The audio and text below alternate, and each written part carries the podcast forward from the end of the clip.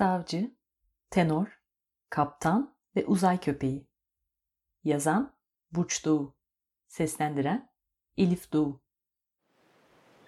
Restoran kapısı açıldı ve batmakta olan güneşi arkasına alan iki karartı lodos havasıyla beraber süzüldü içeriye. Kasa başında gazete okuyan şef garson, koridorda beliren ilk gölgenin sahibini yüzünü görmek sizin bilmişti. Ayaklandı ve ''Hoş geldiniz'' diye seslendi tozlu halıyı koşar adım geçerken. Kapı alışıldık menteşe gıcırtılarının aksine o nadiren işitilir melodiyi çıkarmıştı. Martıların bile susup dinlediği bir şeydi. Ahşap onu iten elle bütünleşmişti sanki. Dünyada kaç kişi bir kapıyı müzik enstrümanına çevirebilirdi? On mu? Yirmi mi? Onlardan da dahi birer müzisyen olmaları beklenirdi herhalde. Ama içeri giren şahıs ellerine Mozart kadar hakim olsa da müzisyen değildi. Müzikle hiç ilgilenmemişti. Fakat şüphesiz ülkenin en iyi cerrahlarından biriydi. Yani hiç değilse emekli olduğu güne kadar. Dikkatle gülümseyen şef, gözlerimiz yollarda kaldı dedi. Samimiyeti ve mesafeyi aynı anda korumak istiyordu. Pek sık görünmeyen bu müdavime özel bir saygısı vardı. Sizi beklemiyorduk diye sürdürdü. Ama her zamanki yeriniz müsait. İlgisini diğer şahsa yönelterek duraksadı. Elini misafirin ceketine doğru uzatmışken ''Hoş geldiniz'' diye tekrarladı. Fark ettiği benzerlik yüzünden olacak, alnı merakla kırışmıştı. ''Yoksa siz...'' ''Oğlum olur'' diye onayladı Aylin Hanım. İstanbul'a gelince annesini de ziyaret etmek istemiş sağ olsun. Şef istemsizce el çırptı. Ne güzel, yoksa siz de mi doktorsunuz? Sorudan ziyade temenniyle tahmin arası bir şeydi bu. İnsanın ne kadar çok doktor tanıdığı olursa o kadar iyidir. Hem Aylin Hanım'ın rahmetli eşi de doktor değil miydi? O halde çocukları da elbette yani doğal olarak. Fakat Vedat bilgisayar mühendisi olduğunu söyleyerek yıktı bu varsayımı. Ceketini şefe teslim etti ve işaret edilen cam kenarı masaya yürümeye koyuldu. Annesini geride bırakacak kadar hızlı gidiyordu. Onlardan uzaklaştıkça doktor olmayışıyla ilgili o tanıdık baskıdan kurtuldu, ferahladı. Açık pencereden yüzüne çarpan deniz havası da iyi gelmişti. Bir yerden eski ahşap kokusu soluyordu ama nereden? Pencereler sürgülü camdandı, masalarsa plastik. Vedat yüzünü tavana kaldırınca sorunun cevabını bulmuş oldu. Güzel bir restoranmış diye geçirdi içinden. Gerçi yıllardır Ankara'da yaşadığı için restoranın deniz kenarında olması bile beğenmesine yeterdi. Aylin Hanım yemeğin bir yerinde baban burayı severdi diye girdi söze. Belki eve yakın olduğundan, hani yürüyerek gidip gelebildiği için. Güneş çoktan batmış, kalabalıklaşan restorana çatal bıçak sesleri hakim olmuştu. Aylin Hanım bakışlarını kalamar tabağına çevirerek iç çekti. Bazen sabah çıkar akşam dönerdi. Ne görüşürüz ne ben geldim. Zaten çok konuşmazdı ya. Emekli olunca iyice içine kapanmıştı. Kendine bir defter almıştı. Yazıyordu sürekli. Ne yazıyordu? Anılarını yazıyor sanmıştım. Meğer roman benzeri bir şeyler karalıyormuş. Daha doğrusu henüz sadece karakter yaratıyormuş. Defterde şuna benzer notlar bulmuştum.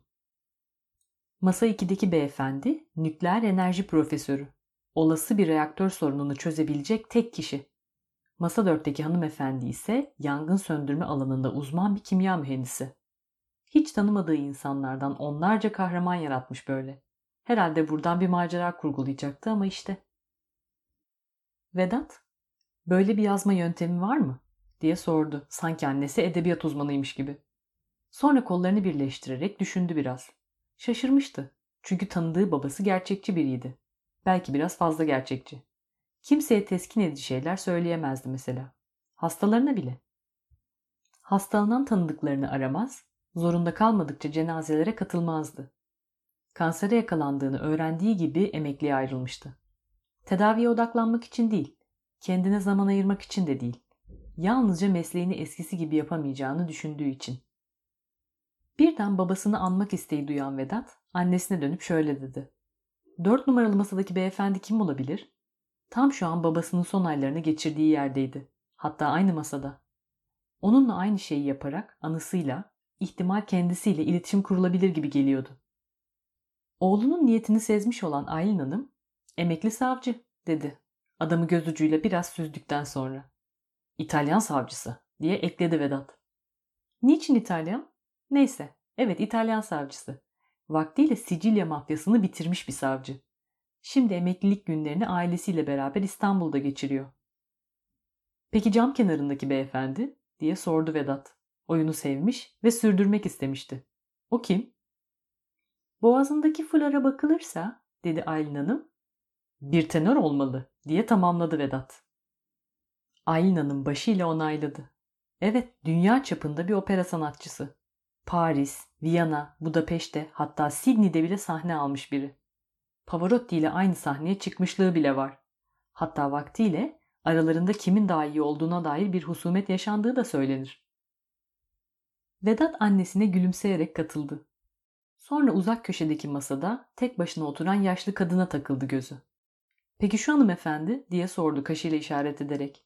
Kadın saatlerdir aynı yerde, aynı açıyla duruyordu. Önünde bir kadeh rakı, biraz da meze vardı ama dokunmamıştı onlara. Sandalye üzerinde bir heykel gibi hareketsizce denize bakıyordu. Bekliyor, dedi Aylin Hanım. Beklemeyi bilen birine benziyor. Gemi kaptanı, diye ekledi Vedat. Uzak yol kaptanı, ülkenin en iyisi. Bütün okyanusları tüm hava koşullarında aşmış biri. Bir tekneyle bile Atlas Okyanusu'nu geçebileceği söylenir. Ama bu akşam bir şey eksik. Canını sıkan bir şey var. Yüzünden okunuyor. Denizden birinin gelmesini bekliyor, diye fısıldadı Aylin Hanım. Bir sır paylaşır gibi. Onu her gün bekliyor. Yüzlerce fırtınadan çıkmış da tek kişiyi denizde kaybetmiş. O da şansına hayat arkadaşıymış. Hikayenin nereye ilerlediğini ayrımsayan Vedat aceleyle etrafına bakındı ve sobanın yakınlarında uyuyan köpeği işaret etti. Peki şu köpek kimdir anne? Normal bir sokak köpeği gibi görünüyor ama öyle mi sence?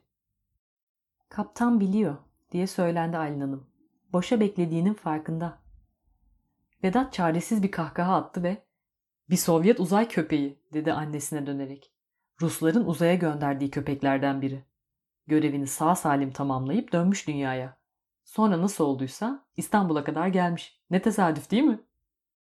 Çenesiyle yaşlı kadını işaret eden Aylin Hanım, onun hatasıydı diye iç çekti. İnsanın kendine en güvendiği an, yanılmaya en yakın olduğu andır. Vedat annesinin su bardağını tazeledi ve arkasına yaslandı. Hiç kimse, dedi yutkunarak, babamı kurtaramazdı. Senden başka kimse ameliyata girmeye cesaret bile edemezdi. Çaresiz bir çabaydı sadece. Hem başka seçenek mi vardı? Derken havalimanına gitme vaktinin geldiğini söyleyen cep telefonu alarmı ötmeye başladı. Vedat hesap için garsona işaret ettikten sonra Aylin Hanım'a döndü tekrar. Kendine biraz anlayış göstermelisin. Babam kitabını tamamlasaydı muhakkak senden bahsederdi. Hem de hiçbir şey değiştirmeden. Olduğun gibi. İnsanlara seni anlatmaya bayılırdı biliyorsun. Onun en büyük kahramanıydın. Aylin bir süre daha yaşlı kadını seyretti. Sonra çantasından aldığı mendile gözlerini silip ''Ne kahramanlığı?'' diye çıkıştı biraz tebessümle. ''Burada bir uzay köpeği varmış baksana. Onun kahramanlığı yanında lafı mı olur?'' Köpek o an kendinden bahsedildiğini anlamışçasına ayaklanarak pencere önüne gitti ve ay ışığına doğru ulumaya başladı. Çoğu müşteri gibi İtalyan savcı ve tenör de o yöne vermişlerdi dikkatlerini. Aylin Hanım kaptanla bir anlığına göz göze gelince başıyla selam vermek zorunda hissetti. Kaptan aynı şekilde karşılık vermişti. Hatta beyaz bir denizci şapkası çıkarıp sallamıştı yorgunca.